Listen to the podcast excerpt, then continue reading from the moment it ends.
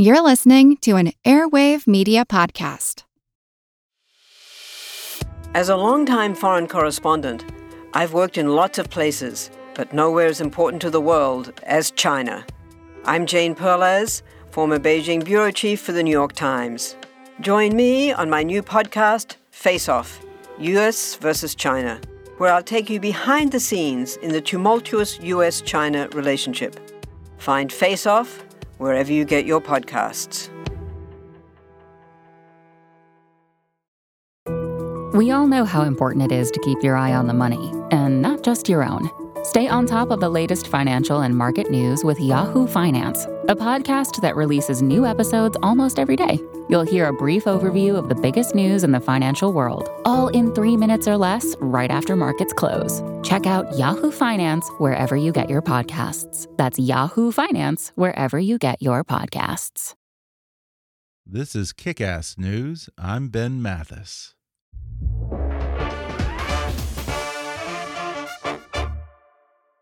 Ever tried sleeping on an airplane? It's no picnic. It's incredibly hard for me to get a wink of sleep. But then my wife gave me a turtle pillow. The Turtle Travel Pillow is the most comfortable travel pillow in the world, making plane sleep possible. Designed by engineers, the wildly popular Turtle, that's TRTL, travel pillow holds your head and neck in a better position than standard U shaped pillows. Check out Turtle's neck pillows and other travel products at TRTL, dot com and use the code KICK for 20% off. That's turtletravel.com, code KICK for 20% off. And now, on with the show. Hi, I'm Ben Mathis. Welcome to Kick Ass News. My guest today is Ambassador Susan Rice. She served for eight years during the Clinton administration, including as the youngest Assistant Secretary of State in the history of the State Department. Later, she returned to the White House as U.S. Ambassador to the United Nations and the National Security Advisor to President Obama. Susan Rice has been at the table during the most pressing international crises of the past 30 years, and along the way, she's encountered her fair share of controversy and conspiracy theories. Now she writes about all that and much more in her new memoir titled Tough Love My Story of the Things Worth Fighting For. And today, Ambassador Rice joins me on the podcast to talk about her family's unique American story and how playing peacekeeper during her parents' troubled marriage made her grow up fast, but it also gave her an early crash course in diplomacy. She talks about her baptism of fire when she joined the Clinton administration and immediately got thrown in the deep end with back to back crises in Somalia and Rwanda.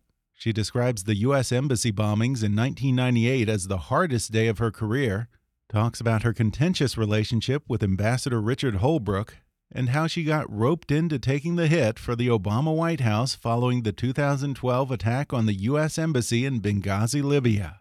Plus, she speculates on what might have motivated President Trump to suddenly pull out of northern Syria. She says Vladimir Putin is a creep and a pig, and she talks about her famous moves on the dance floor. Coming up with Ambassador Susan Rice in just a moment.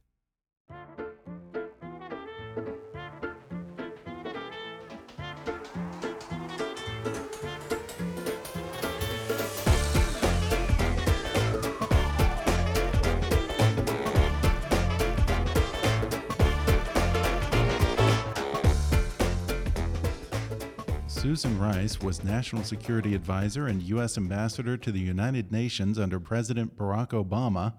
Previously, during the Clinton administration, she served on the National Security Council as Director for International Organizations and Peacekeeping, then Special Assistant to the President and Senior Director for African Affairs, before becoming Assistant Secretary of State for African Affairs.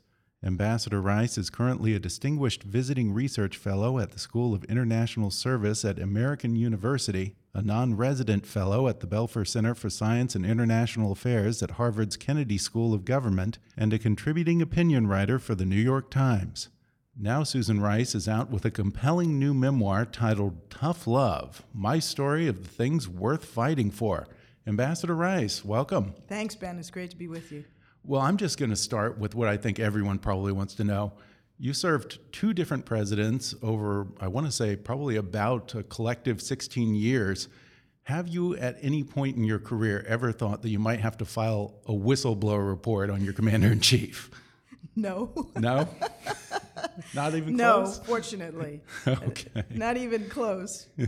Well, let me ask you Does President Trump's Ukraine scheme now make you possibly question all the other weird and inexplicable moves that he's made, oftentimes seemingly out of the blue and without any prior knowledge from his own advisors? Well, I think Ben, Ukraine, northern Syria, his comments inviting China to interfere in our elections are really just the most recent and obvious manifestations that something is really wrong. Mm-hmm. And there are many different policy decisions, moves, statements that the president has made that clearly don't accord with the national interest, that seemingly have no explanation. Why is uh, so much of what he does beneficial to Putin and Russia and run directly counter to U.S. interests? Syria is a very you know proximate example, but so is Ukraine. Why is it that we have a president who denigrates the institutions of the United States, whether it's the intelligence community or law enforcement, uh, Congress, the courts, the press, uh, and lifts up, you know, those of the autocrats um, and behaves in autocratic ways. Something is amiss here, and it's more than Donald Trump's temperament. Uh, it's more than you know what he purports to be an America first foreign policy.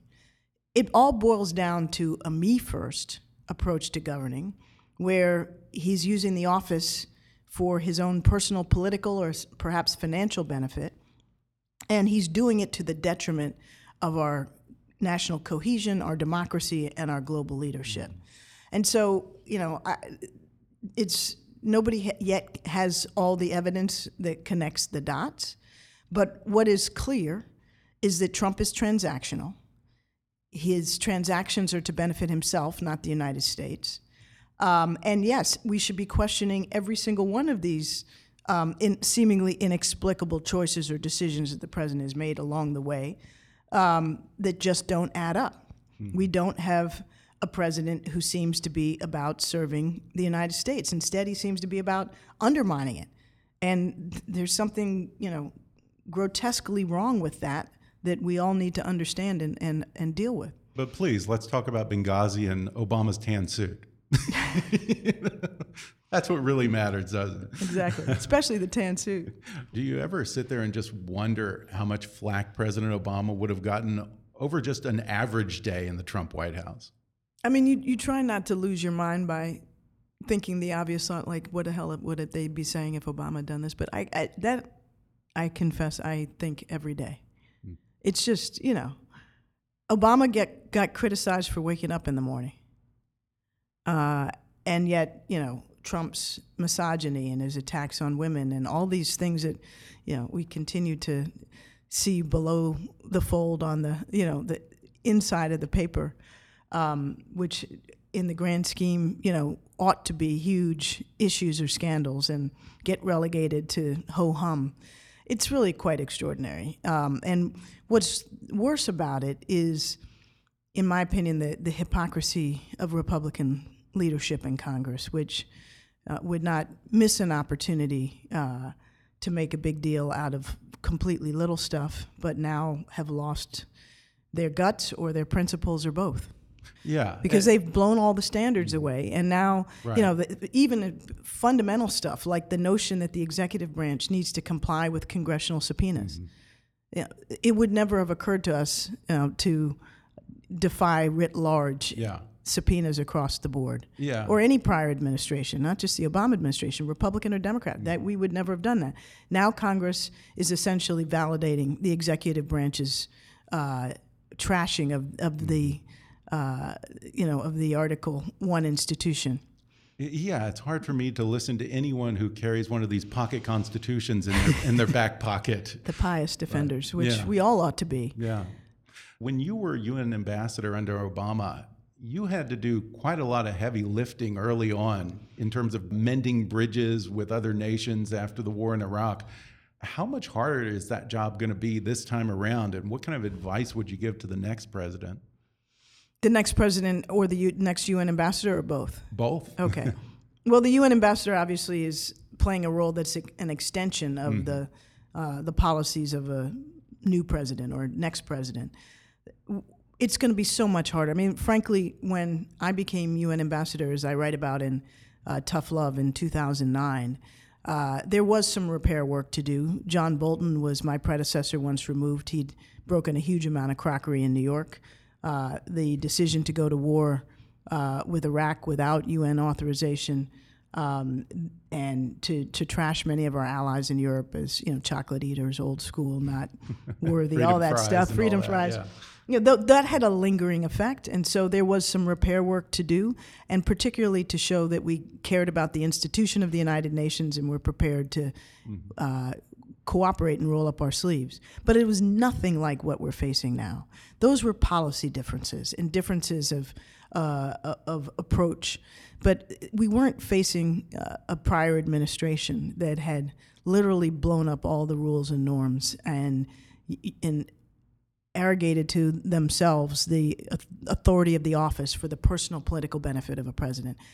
Each one of the prior administrations, President, both President Bush's administrations, Clinton, Obama, go all the way back, whether you like their policies or not, they were doing what they thought was best in the national interest. And that is what's fundamentally different now. So when a new president, knock on wood, uh, comes along, he or she is going to have to take extraordinary steps to try to repair the damage. And we have to be sober about this. It's not going to be repaired by the actions of one administration or one president, because what we've said to the world is we're capable of electing somebody who blows up the system. And we're going to have a very hard time convincing the world that we wouldn't do it again. Mm-hmm. And what's worse is that the guardrails, particularly in Congress, um, where the Republicans have put party over country, haven't worked. So when people look at the United States and say, okay, well, they maybe had a you know whack president, but it, you know they have the institutions of separations of power and all this stuff that will keep things on track, and it hasn't worked. So it's not a case where we can just say Trump was an aberration. Trust us again. Well, we'll, we'll, we'll say that, and we'll, we may believe it, but it'll be hard to convince people of that. So we've got to focus on repairing our relationships, our alliances mm-hmm. in particular.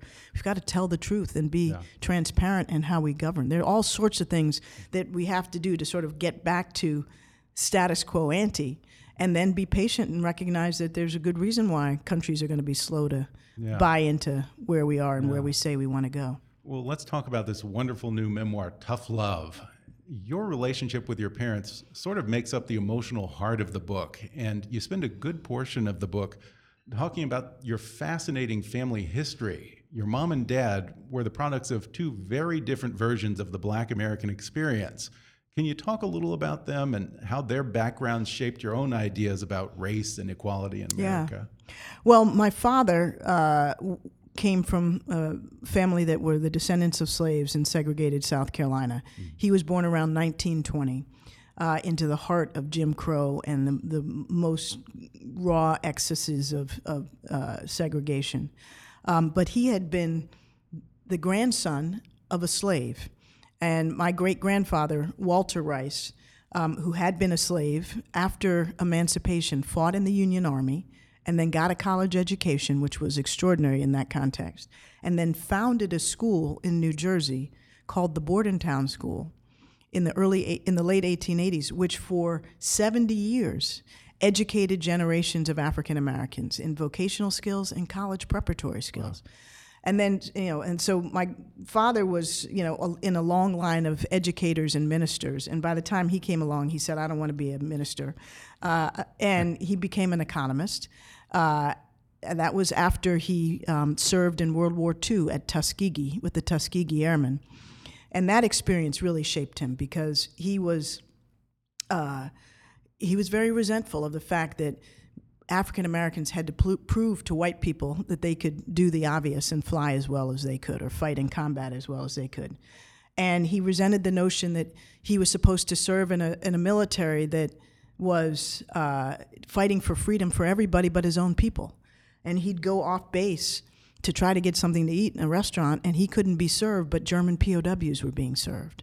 And so this whole experience of being diminished and uh, doubted and denigrated um, shaped him quite profoundly. And yet, he went on to get his PhD in economics. He went on to be a professor of economics at Cornell and to serve at the Treasury Department in the World Bank and in the private banking sector, and ultimately as a governor of the Federal Reserve.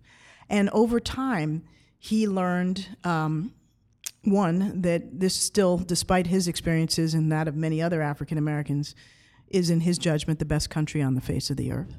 And only in this country could he have achieved what he achieved and passed on those benefits to his children. Um, but he also developed a mindset about race that came from having been the victim of racial oppression that he that I think enabled him to thrive. And he passed it on to me and my brother. And that is in in short if my being black is going to be a problem it's going to be a problem for somebody else not me. In other words I'm not going to let other people's prejudice get in my head and cause me to diminish my own self image uh, or to, to cause me to doubt myself. Um, Yeah. What, what, what was his motto? Don't take any crap. Don't like take was crap kinda- off of anyone. That was his yeah, whole thing. Don't take crap off of anyone. Believe in yourself and push back. Mm-hmm. So that was his experience. My mom was uh, the daughter of immigrants from Jamaica who came to Portland, Maine, of all places, in 1912. They had nothing janitor and a maid, no education, but they came here for the American dream like so many others. They had five kids, sent them all to college. Two became doctors, one a university president, one an optometrist, and then my mom, who was the baby, um, who went on to be a leader in the corporate world. Um, and more importantly, uh, she was known as the mother of the Pell Grant program, meaning she helped get college access for 80 million Americans. Um, so on both sides of the family, just sort of this compulsion to rise, determination not to be kept down, um, and a real commitment to service and about contributing to society in a way that is broader than yourself.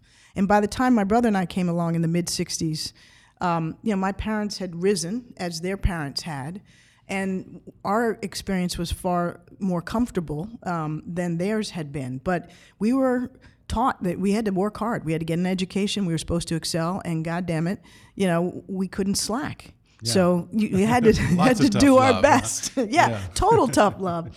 Um, but it, you know, it made us it made us strong, and it gave us a sense of what we could be. Now, your parents had a troubled marriage and a rather contentious custody battle. You recall having to grow up fast and play sort of peacekeeper between them. You it was, I guess, it was sort of early preparation for a life in diplomacy. I had no idea at the time, but you're absolutely right. It was really, I mean, I their fighting was violent and intense and scary. And I was really seven years old or, or about that age when I had a consciousness of what was going on. And I had a younger brother who was sort of two years younger than me and not really um, able to understand it as well as I could. So I'd be trying to go to bed at night and I'd be awakened by screaming and yelling and things being thrown, and I'd go downstairs and I'd kind of peek around the corner and try to figure out what was going on, um, and and intervene if necessary to break them up or to mediate and try to say, you know, what's this about, and literally negotiate. I had no idea at the time that those would be skills that I'd have to use later in life, but it was a, a really formative experience because it taught me one to be resilient and to not let something as painful and, and destructive as a breakup of your family um, cause me never to be able to fulfill my uh, my potential. But so resilience was one thing, but also you know recognizing that being a firefighter, getting in between you know warring parties was something that Yeah. maybe I, I had an early faculty for. Yeah. And after that, you were a Rhodes Scholar at Oxford and then spent some time in the private sector, I think working for McKinsey and Company before 1992 when the Clinton transition team asks you to join the NSC as, I believe, Director of International Organizations and Peacekeeping. That position then puts you right in the middle of back to back crises the civil war in Somalia and the Rwandan genocide as someone who was brand new to government service. that has to have been a real baptism of fire for you. It was exactly that. That's the right way to put it a baptism by fire. And it, there are other elements of that baptism that I don't even have the opportunity to get into in the book, like Bosnia, like Haiti. Um, but I write at length about Somalia and Rwanda because they shaped me very profoundly. Um, Black Hawk Down and the, the fact that Congress, after we lost 18 Americans uh, in a horrific attack uh, on our uh, personnel in Mogadishu, required the administration to withdraw all U.S. military personnel by within six months. Mm-hmm. And you know, and a lot of the blame for that fell on him. It was presented as if the president was the one who was cutting and running. Yeah, President Clinton was accused of cutting and running, but it was Congress that mandated that he cut and run, if that's mm-hmm. the the term you want to use. Yeah. And then seven days after the last American serviceman was evacuated from Somalia, we had the beginning of the genocide in Rwanda. Um, and I write at, at, some length about that as well because the experience of visiting Rwanda after the genocide and seeing yeah. bodies, corpses just still thick on the ground, and also you know watching as a junior staffer as you know the decision making process at at the National Security Council really failed to grapple with the question of whether or not the United States could intervene to uh, to try to halt the genocide or whether we ought to help others to intervene or any of these questions were never asked, much less answered. Mm-hmm. And so I learned a lot both from the experience of Somalia and Rwanda about how the decision making process can fail. Um, and um, those were lessons, as well as you know the the mm-hmm. challenge of how do you deal with humanitarian crises that I took with me later into my career um, as I served in the Obama administration at the UN and as National Security mm-hmm. Advisor. Mm-hmm. The way you've just phrased it, it sounds like you see it as it was more a case of the administration didn't really know if they had the authority to intervene, right? No, it wasn't whether they had the authority. Okay. It, it, okay. And, and, that's now we're getting into a lot of complexity. But okay. when, the point I was making was nobody in government in Washington, nobody in the Congress, no editorial page writers were grappling with the question of whether or not the United States should intervene oh, okay. in, to deal with okay. the genocide. So this was a case where the policy process failed because we didn't even, you know, ask and answer the the issue at hand, mm-hmm. and we didn't do it in large part because I think people were still traumatized by Somalia. They it never occurred to people, frankly, uh, to contemplate another massive military intervention in an even more remote part of Africa after we basically had this humili- humiliating retreat from Somalia. So okay. Somalia, the problem was, you know, multiple, but we didn't pay enough attention right. to what was going on the ground. That's a summary statement. Right. To, and it wasn't a problem that you guys started. No, no, no, that. exactly. We inherited. Rwanda, the, the, the failure in my judgment was that we didn't even consider the question of whether or not to engage in terms of trying to stop the killing. Mm-hmm. Um, and so, whether or not you know we needed UN Security Council authorization, that would have been a question we would have asked and answered after a decision that we wanted to do something. Okay. But it, it, it, we didn't even get to that yeah. point. We're going to take a quick break, and then I'll be back with more with Ambassador Susan Rice when we come back in just a moment.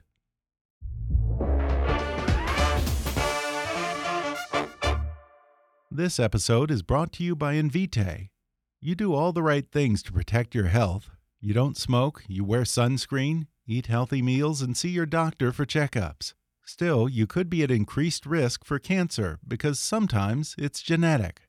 Take the next step to understand what's in your genes with Invitae, a genetic test that experts trust. Based on the results, you may be able to potentially lower your risk. Learn more by visiting Invitae.com.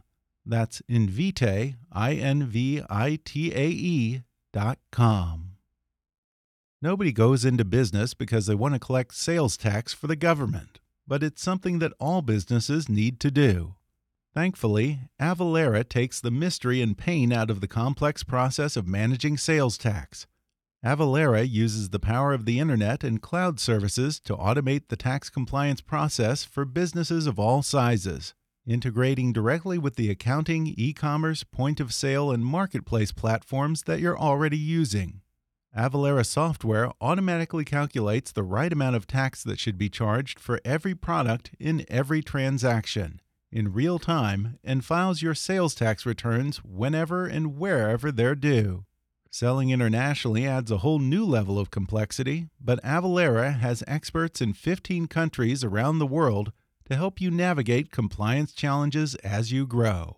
I've been a small business owner for about 20 years now, and I know what a pain it can be to keep up with taxes, especially sales taxes, and especially when you're dealing in other states and perhaps even other countries. So stop spending valuable time worrying about your sales tax returns and focus on the things you actually love about running your business.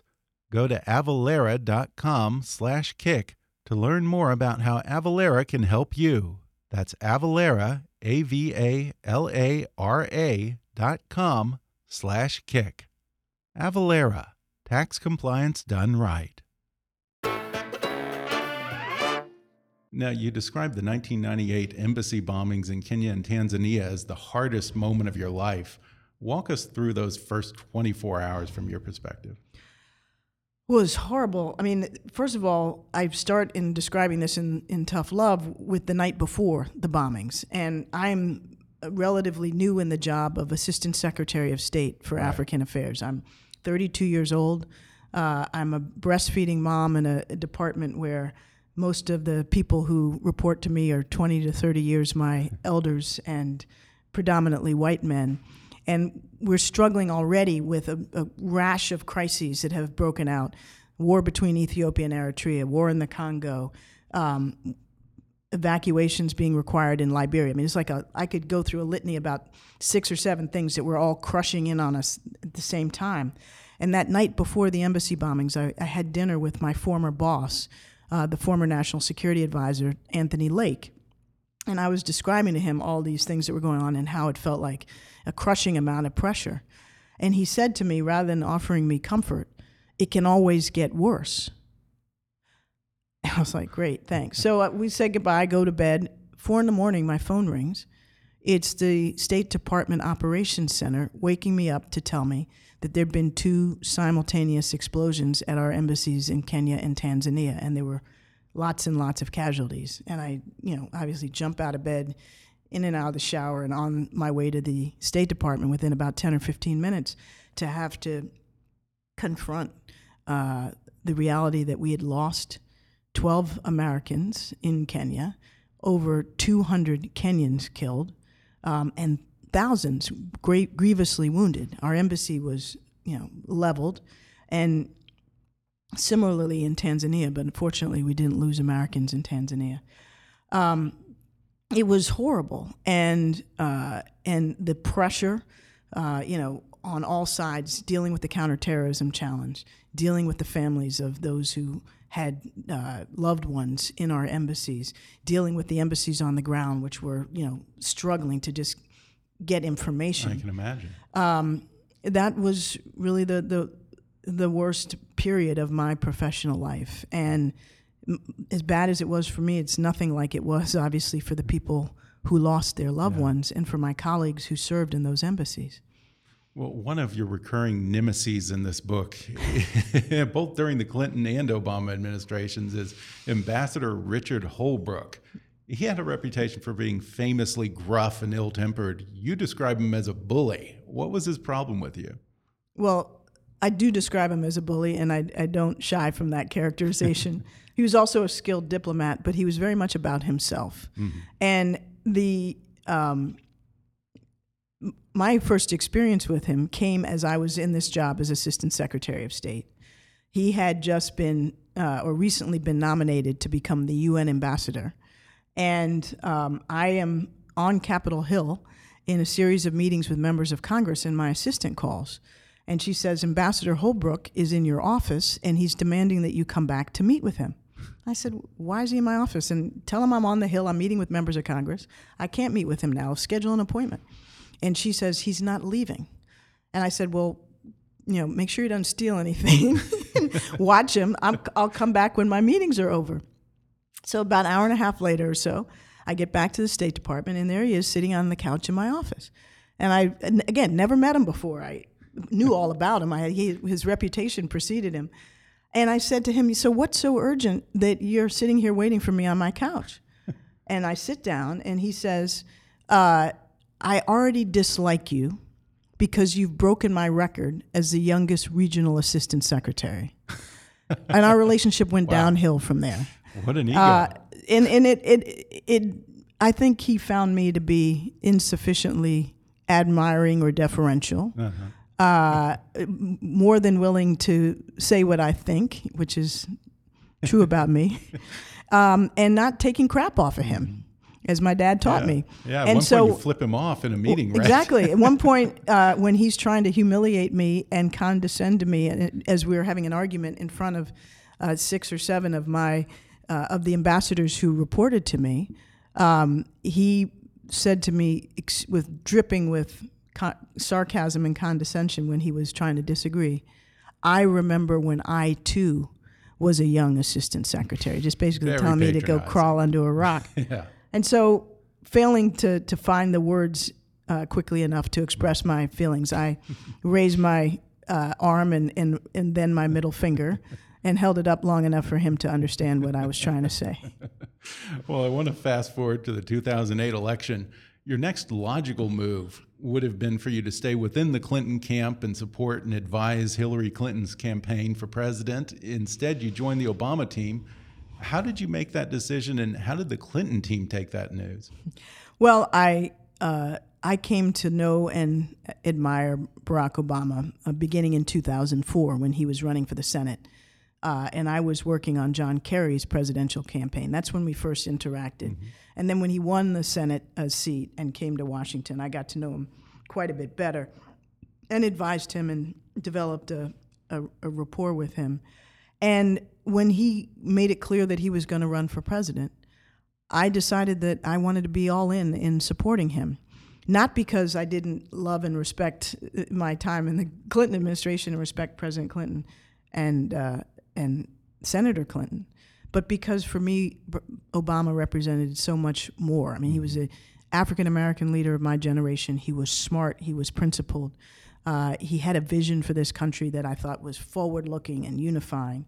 Um, and it was on that basis, um, just being drawn to who he was and what his election could symbolize, that I made the decision to support him. And then, unexpectedly, after I made that decision, uh, I got a phone call from uh, another former boss of mine named Sandy Berger, who had also been uh, in uh, Clinton's second term, the national security advisor, and he was a friend. And he said that Senator Clinton would like me to uh, coordinate her foreign policy apparatus, essentially the same role I was playing for Obama. And I said, Sandy, you know, I've already signed up with Obama. Um, and it wasn't that he had called too late, it was that I'd made this decision perfectly witting of the fact that, you know, at some point the Clintons were going to know this and, and not appreciate it. But I did it because it was the right choice for me. And so then he says, But you realize he's not going to win, right? And I said, you know, I, I don't know whether he's going to win, but I recognize that that's a, the betting man's uh, point of view. And he says, you know, this is a career-ending move. If you know when he loses, you're going to be screwed in effect. And he's telling me this as a friend. And I said, Sandy, I get that, but I'm doing this not for a job, but because this is really important to me. And that was the end of the conversation. We stayed friends, and it was all good. But um, you know, the, the, the bottom line is that there were a, f- a number of people like me who'd served in the Clinton administration who chose to sign up with Obama early. Mm-hmm. And I do think it was for quite a while a sore spot mm-hmm. with uh, the loyalists of, yeah. of the Clintons. And yet, once he got elected, uh, President Obama appoints you UN ambassador. And then I think right after he offers you the job, he says, what do you think about Hillary Clinton for Secretary of State? Exactly. And That's you how said she was a good choice. I so. did. I said if she if, if you would do that, I think yeah. it would be a good choice. Mm-hmm. and so then we worked together closely for four years. You then played an instrumental role in the U.S. intervention against Libyan President Muammar Gaddafi in 2011. How much of that was influenced by this haunting memory of Rwanda and the cost of inaction? Well, in my mind, at this point with more years of, of experience and hopefully some wisdom acquired along the way, my calculation was we had an opportunity to intervene at a relatively low cost to the United States. It wasn't going to require ground forces. We could do it through the air, and we could prevent um, uh, Gaddafi from slaughtering tens of thousands of civilians, which was his stated intention, and his forces were on the way to do it. Um, so that was relatively low risk and high reward in terms of what it would accomplish in humanitarian terms. And so, and we also had the support of uh, NATO and the uh, Arab countries, and we obtained the support of the United Nations. When I was ambassador, I led that effort. And so, in my mind, the cost benefit uh, analysis argued in favor of intervention. Um, and I still think that was the right thing to do. But uh, I made clear that you know we, the, the the problem, the failure, was really in the aftermath, um, where the United States and NATO and the, the African Union and the Arab countries and the UN failed to, failed to act swiftly to try to help consolidate uh, the institutions of the state in a fractured society in Libya after Gaddafi was removed. He was the state, and in his absence, it was sort of uh, close to chaos. Yeah. And so the what what we ideally would have done is put sustained effort and attention with the international community into trying to consolidate the post-conflict situation. And we didn't do it with sufficient attention and urgency. And then Benghazi happened. And everybody in Washington sort of recoiled even further from Libya. And I say in the book, you know, Libya was so fractured a society. I don't know that if we had been 100% effective in our efforts, that it would have worked. Mm-hmm. But what I do say is we don't know because we weren't mm-hmm. able to try. Yeah, I mean, professionally for you, maybe it would have been better if you'd left him in power. you No, wouldn't have had to no, deal. with and it's not that. about me. It's- I'm, I will take saving tens of thousands Yeah. of lives any day. Well, still, the Benghazi attack happened September 11th, 2012, and you get convinced to do what they call the full Ginsburg. Not which- convinced, asked, Well, and I okay, asked. accepted. okay, which means uh, doing the, all five of the Sunday show, Sunday morning shows. You were the person who was assigned to articulate the Obama administration's account of what happened. This was not really in your portfolio. You were UN ambassador, and there were arguably other people who were more directly involved and better equipped to speak to what happened.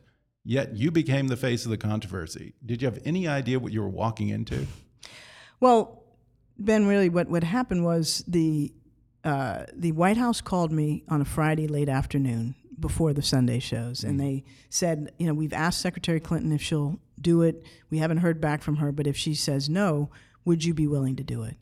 Uh, and then they call back later and they say she said no. Would you do it? And I said, you know, this is not how I'd planned to spend my weekend. uh, I was planning to take my kids to the Ohio State football game in Columbus, um, and but if nobody else is available and you need somebody to do it, I'll do it. Um, and so, to be honest, I wasn't thinking in terms of myself.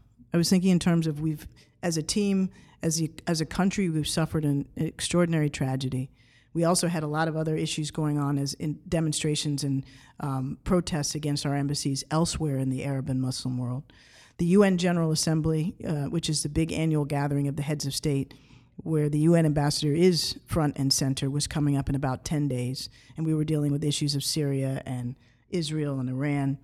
Uh, and so it wasn't completely crazy to ask me to do it, but it, ideally somebody else would have uh, stepped up. But when asked, I, you know, my instinct has always been to be a team player. Uh, and so I said yes reluctantly. And then I went to say to, to look in on my mom, um, who had been very ill. She'd recently had her fourth or fifth cancer surgery and suffered a stroke. And I went by her house just to say hello and spend some time with her before I got home. And she asked me what I was doing for the weekend. And I said, you know, I'm going to Ohio State, but I also just agreed to go on the Sunday shows. And she's like, why? Why you? Why not Hillary? And then she kept going, I she smell a rat. and I'm like, Mom, don't be ridiculous. I've done this before. It's going to be fine. And of course, it wasn't. Never doubt mother's So, intuition. exactly. So, the Wow. lesson, the primary lesson of this episode is always listen to your mother. Yeah. but she perceived what I didn't in retrospect, which is that whoever's out there in a hot conflict situation, uh, in a political hothouse, delivering a message is the. It's likely that the messenger is going to be attacked as much as the message. And that's what happened. Yeah. And speaking of the toll this takes on the family, apparently it also had, I imagine, what at, at the time must have seemed like a pretty frightening impact on your own young daughter. Can you talk a little bit? Yeah, and it was you know so in the wake of my Sunday show appearances, uh, I became uh, targeted as a liar, as incompetent, as untrustworthy. All these things were, uh, you know, the the sustained Republican talking points against me, and it was pretty uh, intense and uh, interminable for many weeks, and in the course of the the weeks following it, my daughter came to me and my husband. She was nine years old at the time, uh, and she was complaining that she was seeing images of men coming out of walls at her. Wow. Uh, and first we were like you know, kind of skeptical, and then she, she kept repeating it. Um, and we realized that she was having, in effect, hallucinations. So obviously, we took her to get a battery of tests at, at Children's Hospital, and over two weeks, they were looking to try to figure out, you know, does she have a brain tumor? Uh, is there some sort of some kind of psychosis or schizophrenia? Does she have a visual impairment? And we went through all these different worst case scenarios, and they fortunately, over a period of a couple of weeks, were able to rule them out. Meanwhile, we're terrified, you know, about what's could be going on with her. She'd been, you know, totally happy and healthy up until that point. And once they ruled out all the worst case scenarios, they essentially concluded that in all likelihood she was having a stress reaction to what had been happening to me. And we realized that, you know, we had the television on for too much of this. We were tuning it out, but our daughter wasn't necessarily able to tune it out and couldn't understand it really at that age. And so she was internalizing this stuff. Um, so I write about that in the book, not only because it was a, it- you know, pretty heavy experience for me and my husband, but more importantly, I wanted to convey that w- when we have the politics of personal destruction in Washington, which happens, you know, uh, irrespective of party affiliation, the victims are not only the people who are targeted, but even more so the people who love the person who's being targeted. So my daughter, my mother also suffered a great deal, um, and, and to a lesser extent, others in my family. And my point is that th- this politics of personal destruction don't come for free, and we ought to be mindful of that. Uh, yeah, and I think that you say that our greatest national security threat is actually the political divisions that we're having within our own country right now. I that is exactly what I say, and I believe it fervently. You know, we are at risk of losing our national cohesion and losing our democracy um, because of these divisions, and you know they are preventing us from doing basic stuff like making investments in our infrastructure, in uh, in technology, so that we can compete with China. But it's also giving our adversaries like Russia a big opening to pour salt into our wounds and you know cause us to doubt each other to hate each other uh, to see one another as enemies rather than as fellow americans and i write about how that is a, a huge challenge but i also talk about how we have overcome so many more moments of division and disunity in our country that were worse than this from the civil war you know through mccarthyism to uh, vietnam and the civil rights era and I really believe we have the ability, if we have the will, to r- repair these divisions now. But it has to happen on every level from the individual and the interpersonal. As I share in my book, I've got a very conservative son and a very Right. progressive daughter. and I'm sitting in the middle of, with my husband Yeah. at the dinner table trying to, you know, keep things from flying across the table. in the same vein, at an institutional and a national level, we have to take steps that I propose in the book that can help to, to bridge those divides um, and enable us to heal. Well, another thing that comes up in the book that I kind of found an amusing revelation uh, you say that no call with Vladimir Putin is short. I guess at times he would keep President Obama on the phone for 60, maybe even 90 minutes. What is he like in a one on one conversation? Well, Putin is um, tedious and uh, self important. And, uh, you know, on these phone calls, which were meant to deal with substantive issues, uh, and that rarely lasted less than 90 minutes, in part because there was translation on both sides, but also because okay. Putin's long winded and um, you know, self important. Um, they were dealing with issues of difference, like Ukraine, for example, or Syria. And the conversations were actually relatively civil and respectful, um, even where we differed, but they didn't yield a great deal. But I had also a lot of experience with Putin one on one and personally, Right. and You said he was a creep, right? He's a creep. he's a creep. He when um, when I was uh, at a gathering in Normandy in 2014, where all the, a lot of Western leaders were there to to um, commemorate the Normandy uh, invasion. We were in a reception, and President Obama was far across the room, and it was just he and I as Americans in the room. And I was in a conversation with Putin's national security advisor, and Putin comes up, uh, and he's talking, and he he basically puckers his lips and blows me a kiss. and he says to his national security advisor, She's quite beautiful for a national security advisor. Uh, and, you know, just gross. Yeah, And, you know, and, you know, as you would imagine, you know, misogynistic and uh, condescending. Um, so that was. Uh, that was one of my many interactions with Putin. Yeah, I hear that. I, I want to say that he had some kind of a similar reaction to your predecessor, Condoleezza Rice, too. Uh, I can't speak for her, and I don't. I don't know. Have a similar story on her Yeah, behalf to relate, but I wouldn't be surprised. Well, before we go, I just have to ask about something Alyssa Mastromonaco told me a few months ago. She says that you are known to throw down on the dance floor and have some wicked dance moves. I won't ask for a demo right now, but where do you get your dance skills from, and do you have a signature move? I, I, you know what? I love to dance, and um, of all the things that I can possibly hope to do when I feel like you know we're under stress or uh, things are getting heavy, it's having a good throwdown. Um, and so I got lots of moves, and I'm not going to call out one over the other. But I do write in the book about um, the last night of the last presidential trip overseas uh, in 2016 after Trump had won. We're in Lima, Peru, and the, all of the traveling Obama team, minus the president, um, go out to a nightclub. And one thing the Obama team know how to do is is to party, and we had a party to end all parties uh, with tons of dancing and tons of pisco sours.